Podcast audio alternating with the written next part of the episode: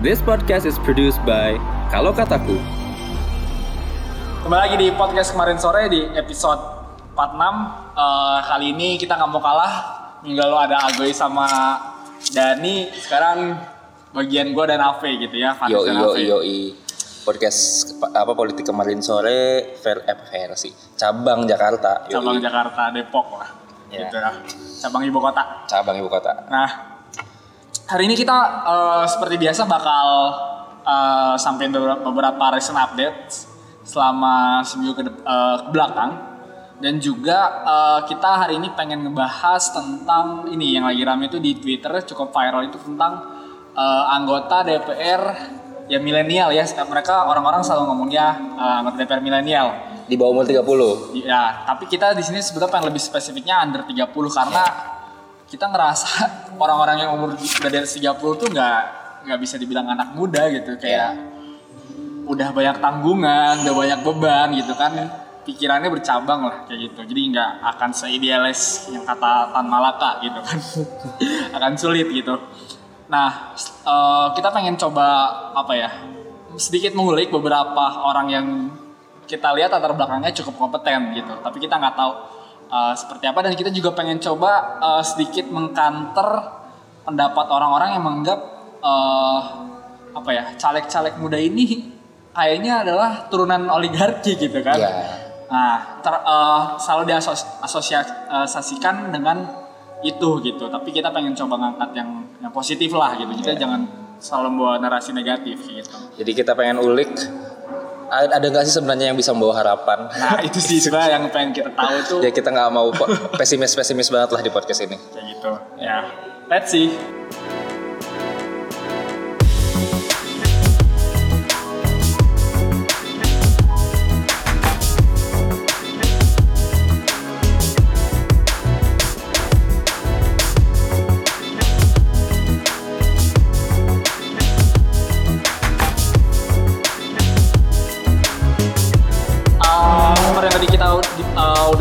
Awal, kita pengen ngangkat beberapa nama uh, anggota DPR terpilih. jadi yang- update dulu nggak sih Oh iya lupa gue, sorry sorry. Terlalu semangat nih pengen bahas yang muda-muda Iya. gitu ya. Nah, ada ada empat recent updates. Yang pertama tuh gue pengen ngangkat soal eh, hari ini hari Rabu ya ketika sekarang kita rekaman ini eh, adalah hari pertama untuk sidang gugatan ke MK terkait undang-undang pemilu. Undang-undang Gitu. pemilu Yang mengajukan ini adalah Bapak Junjungan. junjungan Junjungan. nggak nggak nggak nggak. bukan junjungan gue bukan junjungan gue Tapi seniornya Ave, ya kan Valdo Maldini dan beberapa orang-orang PSI yang bacot aja pokoknya lu Iya. tahu pasti ya. Iya. Kecuali Grace Natali nggak ada dan Raja Juli nggak ada. Jadi Um, Valdo Maldini baru aja apa baru aja Keluar dari keluar PAN. dari PAN terus Dengan- kemudian sekarang belum jelas masuk ke mana. ke mana. Tapi udah dibantuin sama PSI. Udah dibantuin. Ya, udah dibantuin, Udah dibantuin sama ya, PSI. tahu nih tahu nih mau masuk apa enggak. Iya. Tapi udah dibantuin PSI. Itu dia Valdo pas kemarin ah pas di pengajuan tuh dia udah mulai branding ini nama dia untuk Sumbar satu dan ada hashtagnya apa tuh Sumba Sumangaik baru. Nah, itulah pokoknya. Nah, mereka eh, secara garis besar ingin menggugat tentang pasal eh, batas usia untuk calon kepala daerah kayak gitu. Yang mer- mereka rasa eh, semua orang yang berkompeten itu nggak melihat usianya eh, bisa untuk maju kayak gitu sih yang pengen mereka gugat. Tapi nanti kita bakal coba. Kalau di undang-undang emang umur berapa sih? Bupati dan wali kota itu 25.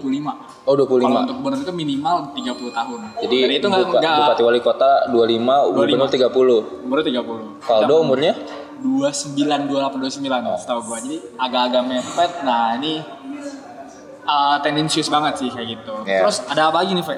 Recent update yang kedua itu Prabowo Prabowo ketemu Jokowi da, eh, Prabowo Prabowo Sulit, sulit. ketemu Jokowi dan katanya Gerindra dijanjikan dua Kursi menteri. dua kursi menteri Waduh. dua kursi menteri Siapa? nggak tahu deh Fadlizon Fadlizon. Jadi apa nih nggak tahu Fadlizon jadi apa nggak tahu tapi yang jelas eh, itu terus kemudian Sandiaga Uno juga balik lagi ke Gerindra katanya Udah uh, diangkat lagi.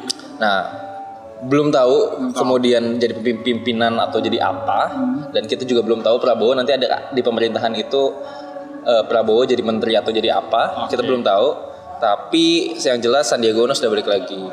Banyak yang banyak yang pengen mendorong Prabowo udah jadi fokus ke pemerintahan aja nggak usah di nggak usah nggak usah fokus ngurusin Gerindra Oh. Gerindra biar Bosen Sandiaga ya? Uno aja Oh. gitu ya bosen sih dan sebenarnya cukup ini juga ya karena ke- kalau ngomongin soal tadi ngomongin soal milenial ngomongin soal legislator milenial yang anggota DPR milenial salah satu yang paling banyak itu dari Gerindra soalnya Oke. ya jadi butuh Asik. ini ya jadi butuh inilah butuh butuh Sosok panutan keren baru ya. butuh panutan yang lebih muda mungkin kalau Pak Prabowo kan udah bosen ya kita ngeliatnya gitu ya Kalau kalau ah, Iya. untuk recent update ketiga itu adalah eh, setelah dilantik eh, berapa minggu yang lalu ya, seminggu yang lalu ya kurang lebih. eh, susunan pimpinan MPR yang baru eh, mewacanakan akan adanya amandemen Undang-Undang eh, 1945 Yap. kayak gitu. betul Dan beberapa bahasan itu yang udah diangkat itu adalah soal pasal tentang penambahan masa jabatan presiden yang diwacanakan oleh khususnya eh, yang gue baca itu dari Nasdem sih. Wakil Ketua MPM fraksi Nasdem eh, Bapak Joni Plat, eh, Plat ya. Sekjen Joni Plat, Nasdem. ya. Dia mewacanakan itu dan akhirnya ya sekarang lagi cukup panas sih. Cuman memang karena ini baru dilantik mungkin biasanya kan baru apa ya awal-awal tuh masih nyusun kelengkapan ya jadi belum ada bahasan yang Ya, uh, belum. konkret via sidang belum ada sih tapi ini udah ada wacana di wacananya udah di di media mana-mana udah lagi. udah cukup panas gitu Uh, karena uh, wacana GBHN itu sebenarnya muncul Oh, di GBHN ya karena Ah. uh, jabatan dan juga ada GBHN Oh iya itu. Nah, wacana GBHN itu sebenarnya muncul di em, kongresnya PDIP. oh ya eh jadi ya kongres gue lupa Kongresnya PDIP di Agustus kemarin kalau nggak salah. oke. Jadi itu terus kemudian eh, Bambang Susatyo, Bamsud itu naik jadi ketua MPR salah satunya dengan misinya itu kan misinya itu. jadi katanya Mama Banteng, Mama Banteng. eh, Megawati, Bu Megawati itu katanya satu syaratnya cuma itu aja. Bamsud boleh jadi boleh naik jadi ketua MPR itu adalah mengagendakan GBHN dan memang banyak banget lah gitu isunya di sini tapi kayaknya kita nggak akan bahas itu sekarang ya akan Kan, ada nunggu episode akan ada ada episode selanjutnya mungkin yang akan ngebahas itu yang keempat apa tuh Fe? Nah, yang keempat itu terakhir adalah eh, tanggal 15 sampai 20 Oktober ini mahasiswa nggak boleh demo katanya. Waduh. Nggak boleh demo katanya. Udah mau pelantikan Gara-gara kemarin ya? Iya. Udah, udah mau pelantikan Pak Jokowi itu katanya nggak boleh demo gitu. Padahal eh, demo itu diwa- diwajibkan dijamin haknya oleh Undang-Undang Dasar. yes Ya, jadi eh, buat teman-teman mahasiswa yang masih teman-teman mahasiswa anak muda, anak STM, anak SMA yang yes, yes, yes, yes. ngedengerin podcast ini kalian ngasih kalian ke polisi itu bukan minta izin tapi ngasih tahu. Ngasih Ya, tahu, yes. ngasih tahu. Jadi kalau mau demo demo aja besok. iya Ya. itu diatur loh di undang-undang Ya, diatur di undang-undang. nomor berapa tahun 98 kan itu nggak pernah berubah sampai saat ini Katanya BMSI komplain.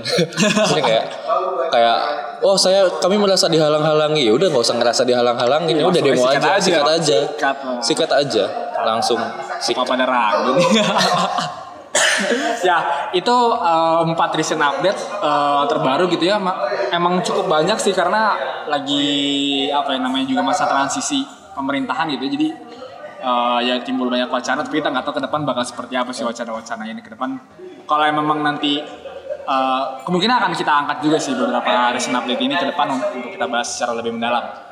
Nah untuk topik utamanya kita pengen bahas tadi eh, tentang eh, viralnya gitu ya nama-nama anggota DPR milenial katanya. Ya. Itu kan judul berita yang dikeluarkan eh, kumparan sih itu yang viral itu kan diambil doang tuh fotonya tuh Iya iya iya. disebar dan dikomen eh, oleh semua orang termasuk salah satu SJW kebanggaan kita Bapak Dani Laksono juga mengomentar Ah, dan disandingkan iya. dengan foto ini eh, Jokowi Prabowo yang pas ketemu Jadi Laksono calon menteri sosial kata gue. Waduh, sosial mana? Nah, Ya itu tapi emang- episode yang lalu ya. Episode yang lalu. Dua episode yang lalu Agoy apa bilang em, calon mensos kita harusnya adalah Dandi Laksono. Dari Aksa. Dasar Agoy. Nah, tapi emang ketika apa ya, gue sebenarnya agak agak kaget dengan ini sih dengan beritanya kumparan. Pertama nih gue pengen sedikit singgung kontennya si berita ini emang menurut gue baru ka- nggak tahu ya maksudnya selama ini kumparan itu bukan yang kayak tribun ngasih judul yang sampah gitu ya isinya sampah gitu ya Iya. ataupun media-media lain yang bisa dibilang layak dibaca gitu gue baru kali lihat di kumparan itu memang secara isi pun gitu ya tidak hanya si infografisnya memang ini sih mereka tuh nggak bisa dibilang nggak berimbang ketika membahas eh, apa ya anggota DPR terpilih ini gitu Hmm, gimana mereka kan? hanya hanya ngangkat usianya berapa terus hartanya berapa Iya. dan mengkaitkan langsung eh, apa sih Cak? ada 10 nama ya 10 nama eh, anggota DPR under 30 yang punya tadi asosiasi dengan eh, keluarganya yang juga kebanyakan mayoritas poli- eh, politisi kayak gitu ataupun pejabat publik lah gitu di beberapa lembaga eh, negara gitu kan yang jadi menimbulkan oh nih oligarki nih kayak gitu kan apalah apalah gitu nepotisme ah menangnya di dibantuin lah dan sebagainya Ya. kan Iya, iya. dan emang itu jadi jadi apa ya uh, beberapa berita yang mengangkat uh, salah satu nama calon juga jadi ngebahas itu lagi gitu Hmm. sedangkan gue ngerasanya ini nggak berimbang gitu maksud uh, kenapa nggak nggak diangkat juga tentang uh, ketika kampanye dia seperti apa terus uh, latar belakangnya seperti apa baik pendidikannya ataupun uh, rekam jejak mungkin dia ikut gerakan dan sebagainya kita kan itu juga kita perlu tahu kan Ya. kayak gitu kan Ya, ini Faris Faris suara optimis nih, gue suara pesimis. suara optimis. ya, tapi memang apa gue nambahin itu. Jadi yang ada di kumparan itu 10 ya. Ya 10, 10 nama 10 tapi- nama kan 10 yang nama. ada. Tapi sebenarnya itu nggak nggak semuanya. Ya, yang under 30 tuh ternyata ada 18 orang. Ada yang 18 orang. Milenial berapa? Yang milenial, yang di milenial itu sebenarnya milenial kan sampai umur 30-an itu masih milenial katanya. Itu sekitar 40-an, 40-an. 40-an.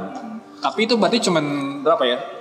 Nggak nyampe 10 persen lah. Nggak ya nyampe dari anggota 10%. DPR. Sekarang kan ada penambahan itu jadi 560 ya. Tapi kalau nggak salah jauh lebih proporsional daripada yang tahun sebelumnya. Oh. Yang tahun sebelumnya itu hampir nggak ada banget yang milenial. Hampir Oh nggak- iya? Hampir nggak ada banget yang di bawah umur 30 kalau nggak salah Aku ya. juga nggak tahu sih, nggak sadar tahu kita dan yang anak muda ini mungkin, siapa ya? eh, mungkin nggak jadi concern dulu kan. Oke. Tapi sekarang kan lumayan lumayan concern kemarin ketika kampanye banyak anak muda anak muda segala macem lah. Iya, sayangnya yang yang paling muncul di TV malah nggak ada yang masuk semua.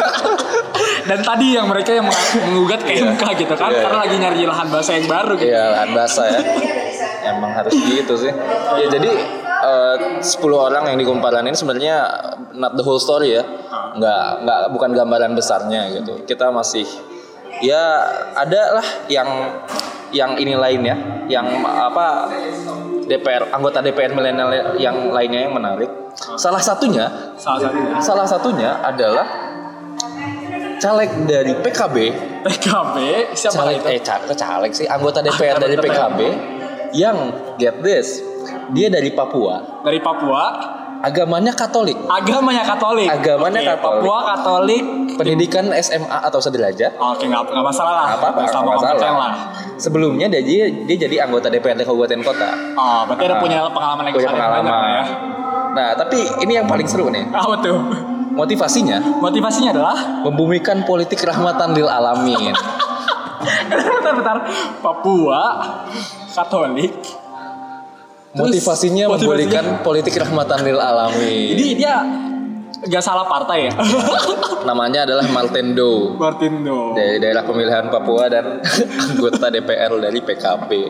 Ya, jadi em, ya sebenarnya banyak yang menarik ya yang bisa digali soal apa anggota DPR yang yang apa milenial ini anggota DPR yang mungkin ya nggak jauh lah eh, nggak jauh lah umurnya dari gue dan Faris Iya. saat satunya Martin Dow ini. Nah, eh, siapa lagi, Riz? Nah, kalau misalnya kita lihat dari susunan anggota DPR gitu ya. Jadi tuh ada yang iseng membuat uh, anggota termuda dan tertua. Nah, yang ternyata yang termuda itu ada di usia 23 tahun atau angkatan kita gitu sebenarnya Iya. angkatan 2014. Seumur- Kalau- umur gue. Kalau normal ya, kalau Iya. normal 2014. Eh, itu ada tiga orang. Heeh. Pertama ada uh, Farah Putri Nahdia, itu dia dari PAN, terus ada Brigita Hilary Lasut itu Nasdem, sama Muhammad Rahul dari Gerindra. Ini uh, 23 tapi secara kelahiran itu paling muda itu Brigita. Kayak Brigita ya? Brigita ini. Cukup menarik tapi gue dari tiga orang ini gue pengen bahasnya cuma dua. Hmm. Karena gue kecewa dengan Muhammad Rahul ketika gue baca profilnya. Kok lu ketawa sih? Lihat mana ini tiba-tiba ketawa. Tapi gue juga baca profilnya gitu ya. gue kecewa karena motivasinya eh, apa ya? Takutnya ini kayak anak-anak organisasi di kuliahan gitu. Dia motivasinya adalah eh, Prabowo presidennya kayak gitu. Udah itu doang. Udah. Aduh. Gak, gua khawatirnya gini kan biasanya orang itu punya motivasi itu kan dia jaga terus ya, Iya. yang membuat dia bangkit lagi. Iya, iya. Sedangkan sekarang motivasinya udah gugur gitu. Iya. Prabowo, iya. Abis itu gimana? Iya. Terus dia ngapain di DPR gitu? Iya, motiv- motivasinya udah nggak bisa diinin lagi itu. Iya, makanya gua- jangan-jangan mungkin dia dia akan dia akan maju terus sampai Prabowo jadi presiden. Waduh. Dia 2024 Prabowo maju lagi. 2024. Aduh. Jangan deh, jangan deh. Coba jadi gue gak mau ngebahas dia gitu ya. Iya, iya, iya. Karena juga secara latar belakang pendidikan juga gue nyari susah gitu ya. Oh gitu, nggak ada emang.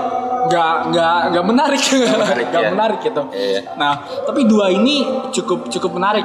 Mungkin lu dulu, Fe. Yang yang dari itu pen yang lu angkat yang mana dulu nih? Iya, kan tadi kan eh, eh, Faris yang apa optimis ya, gue yang pesimis dulu Yang nih. pesimis dulu. Ya, Oke. ini jadi eh, gue pengen bahas Hillary Brigita Lasut. Hillary Brigita Lasut dari eh, Nasdem. Dia itu anak anak bupati ke, ke Kepulauan Talaut dan Ibunya juga kalau salah katanya. oh iya, Oh. kalau nggak salah ayahnya itu sekarang jadi gubernur apa bupati Bupati juga. ya? bupati juga. Jadi dua-duanya bupati.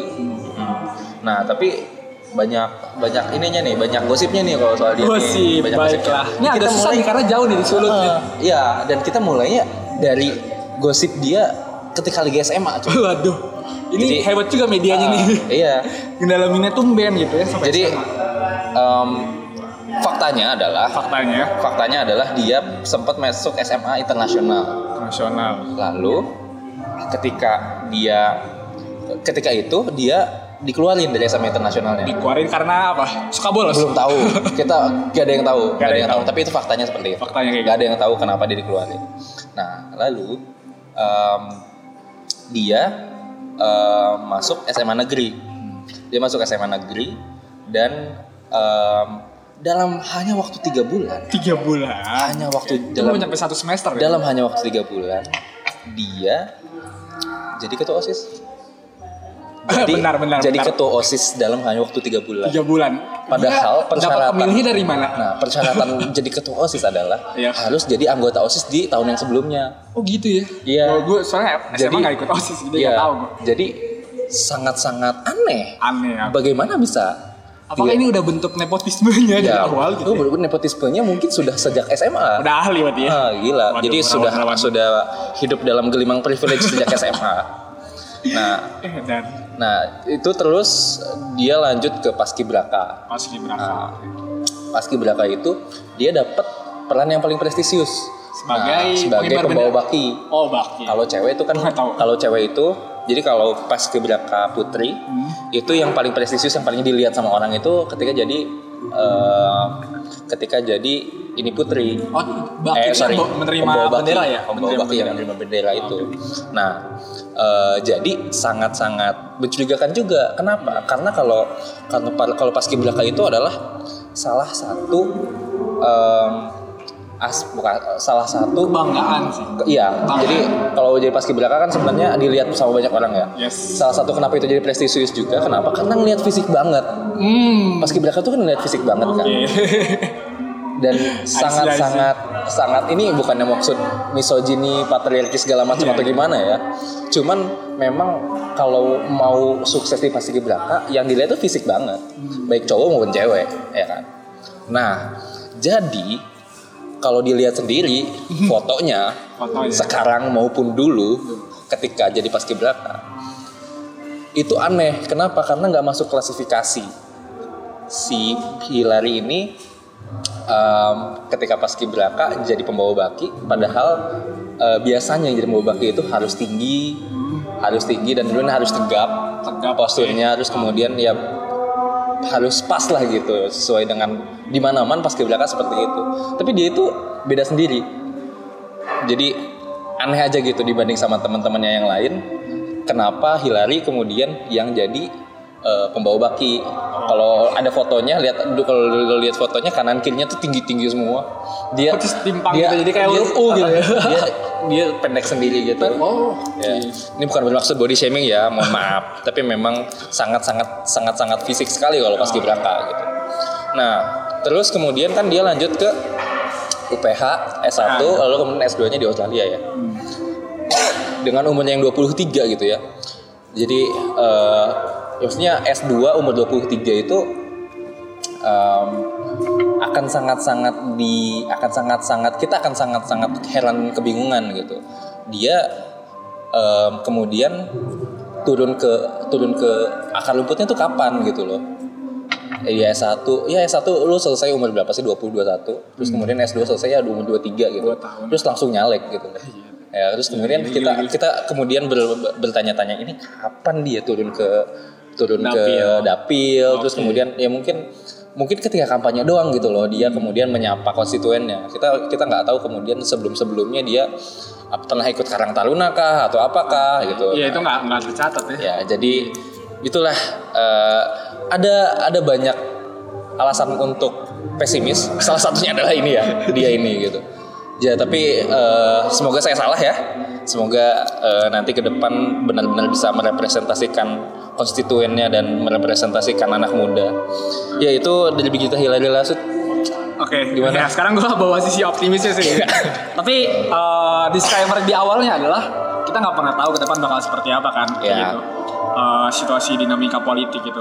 Nah, tadi satu lagi yang belum eh, diceritakan adalah eh, Farah Putri Nahdia. Dia juga umurnya 23. Dia itu ada eh, asalnya dari sebenarnya orang Semarang, tinggal di Jakarta tapi dapilnya itu di Jabar 9 atau di wilayah namanya SMS, Subang, Majalengka, eh, dan Sumedang kayak gitu. Ah, iya. Nah, karena dia adalah eh, dia ini adalah peraih suara tertinggi di dapil itu. Dan dia ngalahin beberapa nama-nama yang terkenal. Yang pertama yang sering muncul di TV, Dede Uki kalah. Dede Uki kalah? Dede Uki kalah. walaupun walaupun Dede Dede Uki sebenarnya kalau PSI lolos dia bisa lolos apa enggak nggak ada Nggak di ada. foldernya. Nggak ada. Kan udah dibuang yang nggak yang nggak ah iya iya benar benar Terus tapi yang ada lagi nama besar itu yang dia kalahkan itu adalah pertama TB Hasanuddin. Hmm. Dia itu kader PDIP, kemarin juga cagup Jabar. Hmm.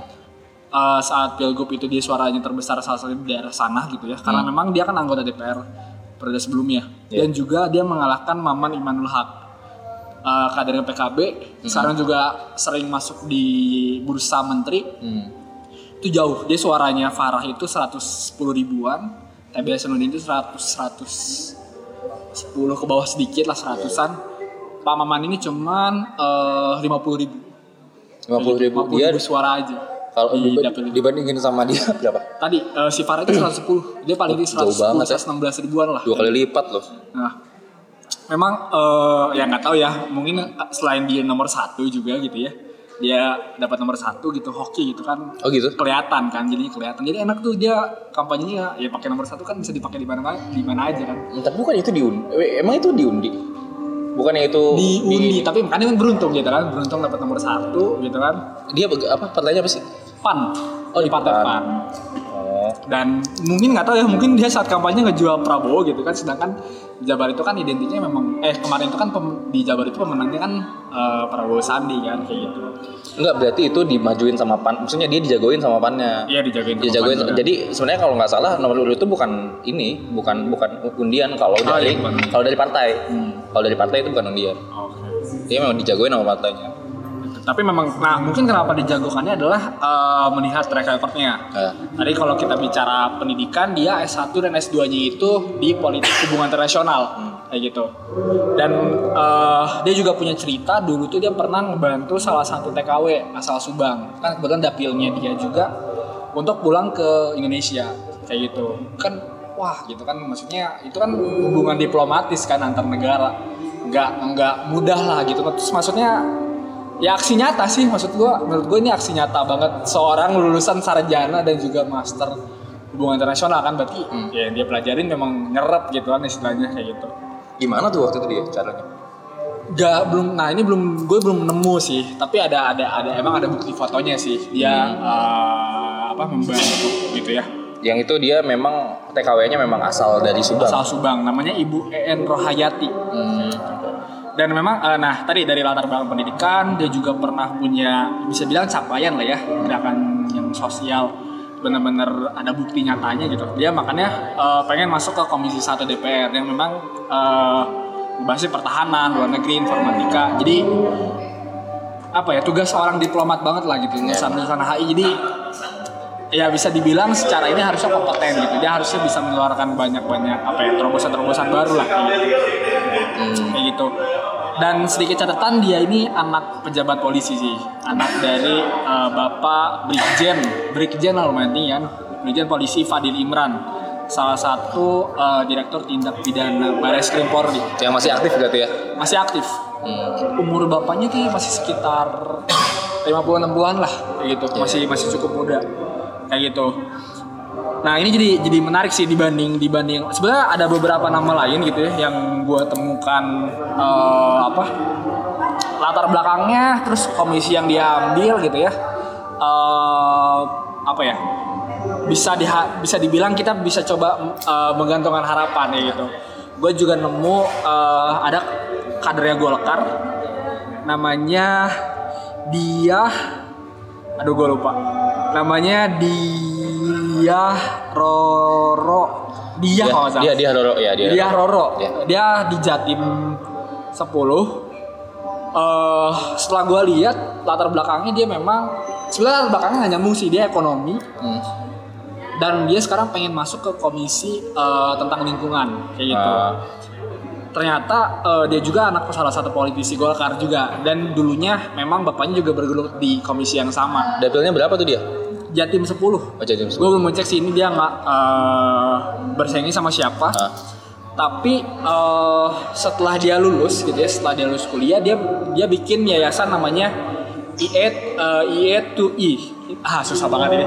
Indonesian eh, Energy and Environmental Institute. Jadi NGO yang fokus ke Iya, iya, iya. eh, mendorong energi terbarukan eh, soal global global warming climate change dan sebagainya Eh, udah selama tiga tahun si yayasan ini bergerak dan cukup eh, membantu beberapa kementerian. Karena gue ngeliat foto dia sama eh, Ignatius Jonan ya kan dia menteri SDM kayak gitu. Jadi cukup menarik sih. Dan juga nih satu, salah satu fakta uniknya adalah dia setelah terpilih ternyata malah namanya masuk ke eh, bursa calon bupati Gresik. Wow perempuan bupati gitu. Ini ya berarti kan bukan kaleng-kaleng ya walaupun dia anak anak politisi sih ada ada sedikit harapan yang bisa coba kita gantungkan gitu sih gue ngelihatnya Ya, gitu Faris memang orangnya optimis. ya tapi eh, ngomongin soal itu memang kayaknya Indonesia lagi butuh-butuhnya think tank kayak gitu ya. NGO NGO kayak gitu nggak banyak soal Indonesia. Yang Iya. yang semacam IE2, IE2, Baik, sebenarnya IE. ada tapi nggak semuanya bisa bertahan gitu Nggak semuanya bisa bertahan dan nggak semuanya influential gitu. Ya, Ya, semoga dan aja. bertahan tiga tahun itu menurut gue udah udah cukup hebat sih. Iya. Maksudnya kan mencari pendanaan itu nggak nggak nggak gampang, Ya. termasuk juga eh, dampak gitu ya, impact yang dibuat dari NGO-nya ini Ya. kadang-kadang ya biasa aja gitu. Tapi ini udah, udah cukup hebat sih menurut gue. Ya, tapi ngomongin soal ini, ini kan hasil pemilu ya. Hasil Ini pemilu. hasil pemilu dan maksud gue ya udah nggak bisa diapa-apain lagi gitu kan. Yes. Dan sebenarnya ya mereka menang gitu loh. Ya, mereka memang. menang. Jadi em, kalau kemudian kita pertanyakan bukan bukan yang kita pertanyakan tuh sebenarnya harusnya bukan kenapa bukan kenapa orang-orang ini gitu, tapi eh, gimana ya maksud gue eh, yang yang harusnya kita pertanyakan itu eh, kalau kemudian kita nggak nggak puas dengan hasilnya gitu ya, Iya. yang ada di 10 orang itu di kumparan itu anak-anak pejabat semua gitu. Yang harus kita pertanyakan pertanyaan itu adalah kenapa kok bisa kayak gitu gitu loh. Ya. Kenapa kemudian em, sistem demokrasi yang ada sekarang cuman kemudian cuman memenangkan orang-orang yang udah punya privilege yang sangat luar biasa gitu loh. Iya, ditambah sebetulnya ini sih yang gue lihat ini adalah kan mereka eh, kemarin kemarin itu menyoroti tentang harta kekayaan ya. Iya. Terus kalau misalnya secara kita eh, lihat sepintas memang ya bisa dibilang mereka kalangan ke atas lah Iya. kayak gitu ya eh, dengan pertimbangan dia anak eh, politisi atau bukan gitu. Nah inilah sebenarnya yang harus kita pikirin ke depan adalah kondisi nyata eh, demokrasi kita gitu. Jadi masih lebih eh, apa ya? Banyaknya pemenang itu ya bahasanya adalah pak kuat-kuatan Duit. duit gitu, pak kuat-kuatan gitu. Ketika apa ya? Ditambah juga kondisi ketika kampanye itu kan kita nggak ada pembatasan dana kampanye ya. Jadi ya kalau lu duitnya banyak lu akan membagikan banyak souvenir gitu kan Iya, iya. kayak gitu kan Eh, banyak kan ngasih kaos kasih apalah ya maksudnya beda-beda gitu dan itu kan memang bener-bener bisa mengattract pemilih gitu kan konstituen yang punya hak pilih kayak gitu Nah sebenarnya jadi concern ya sebenarnya sebenarnya jadi tugas DPR kan karena ini harus ubah uh, undang-undang pemilu. Dan sebagian juga uh, kita mengharapkan KPU ini ke depan apa ya lebih tegas bikin lagi. peraturan teknis yang uh, memungkinkan uh, apa ya semua orang itu apa ya bisa menang gitu. Pulang menangnya itu lebih tinggi lagi gitu. Lebih Kita- adil jadinya. ya, atau uh, mencapai uh, titik terbaiknya demokrasi gitu. Di mana ada adanya adu gagasan yang dilihat kan apa yang bisa di uh, mereka bawa dengan apa ya kemampuan legislasinya kan kayak gitu, gitu. satu hal yang harus diubah jadi dari undang-undang berarti itu apa? Selain soal ya tadi yang ngomongin soal Valdo dan ininya yang ngomongin soal usia tapi ber- berarti kalau soal pemilihan anggota DPR apa yang harus diubah? Kalau di syarat pencalonan sebenarnya udah udah udah masuk akal sih. Usia udah kan usia WNI kalau nggak salah ya. berarti soal ini soal duit kampanye berarti? Iya itu lebih ke gua gua lupa sih itu pasal berapa gitu ya. Tapi lebih ke apa ya eh ya itu sih gua lebih concernnya ke sana sih soalnya. Jadi- karena money politik ini masih masih terlalu apa ya bener-bener dibebankan banget ke sana gitu.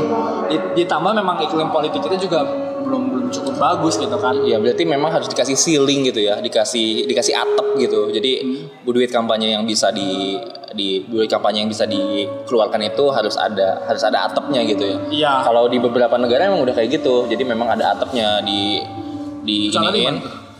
Di Gua belum, belum pernah belum pernah baca sih jadi kalau di beberapa negara itu kayak udah ada ceilingnya. Jadi namanya adalah sekian berarti Nah, ya, berapa? sekian. misalnya kasih contoh yang gue tahu DPR itu rata-rata tuh 1 m biasanya nah, 1 m. Nah berarti Misalnya kita taruh 200 juta lah. Harus disepakati harus disepakati kemudian yang di ini tuh berapa juta. Buat buat ini kampanye. Nah tapi itu kan memang harus disertai dengan instrumen teknis yang kuat dari KPU ya. Satu lagi adalah satu lagi adalah soal ini soal dona- donatur. Hmm. nah jadi donatur donatur kampanye itu nggak boleh kalau di Amerika. Ada beberapa state itu yang udah belum semuanya sih belum belum semua belum di Amerika semuanya. Tapi ada beberapa state di- di negara ada beberapa negara bagian yang em, donatur itu em, nggak boleh satu orang ngasih banyak banget jadi kayak ada ceiling buat ada atap buat eh, Jadi- do- donasi. oke jumlah donaturnya atau batasan donasi yang di batasan donasinya. Oh batasan. Seba- lebih banyak jumlah donatur lebih baik. Oh jadi nggak jadi ada kalau kayak, kayak kita bisa.com aja gitu. Oke, jadi nggak Kalau- nggak apa ya? Nggak depends satu orang dua orang Ah, kelompok gitu ya? gitu. Jadi nggak akan ada kepentingan gitu kan. Oke. Nggak akan ada lobby lobby dan segala macamnya nggak akan ada kepentingan karena yang ngedonat yang jadi donatur itu banyak orangnya dan uangnya sedikit sedikit aja tapi banyak gitu. Itu yang kemudian sebenarnya sistemnya bisa dicoba di kita. Cuman memang ya gimana itu men- menurut gue ya dengan dengan adanya kita bisa yang yang apa kalau kita bisa kan udah kalau kita bisa kan sosmas gitu sosial masyarakat. Mungkin eh, ke depannya harus ada semacam yang yang yang apa fundraising yang untuk politik gitu loh. Oke. fundraising untuk politik mungkin itu ke depannya jadi inovasi yang harus wah ini lagi-lagi adalah lagi-lagi ada ide startup. Dapat dari podcast ini. Lagi-lagi. Nah terus em, itu sih mungkin soal sistem ya. Karena kita se semarah semarah marahnya kita sama hasil semarah marahnya kita sama orang-orang yang dibahas di kumparan itu sama mereka yang punya eh, ratusan eh, apa ya puluhan m kekayaan sementara kita umur 23 masih ngutang gitu. Ya tapi mereka orang-orang yang menang. Mereka mereka orang yang menang dengan sistem yang ada gitu loh. Dan kondisi nyatanya. dan itu bukan salah mereka juga Iya. gitu loh. Kita nggak nggak bisa marah sama mereka. Dan justru kita bisa mungkin nagih janji mereka minta harapan sama mereka gitu dengan ya jadi kayak itu jadi kayak itu tidak tidak dosa gitu jadi kayak itu nggak dosa. Yang dosa adalah eh, yang membiarkan eh, regulasi yang sudah tidak layak dijalankan nggak pernah diubah yang gitu. dosa adalah yang nipu rakyat. Pikir dong. yang nipu rakyat yang nggak sesuai sama janji dan segala macam yang nggak sesuai sama janji dan segala macamnya kan. Ya ya pada akhirnya kita cuma bisa nagih janji mereka aja gitu loh Tapi kalau misalnya gini, Fe, gue ngasih pertanyaan ke lu. Kalau misalnya undang-undang pemilu dijadikan prolegnas untuk periode ini gimana dari 19 2024? gue tuh Melihat kondisi ini, melihat kondisi yang lain. gue tuh gimana ya gue tuh ngomongin sistem.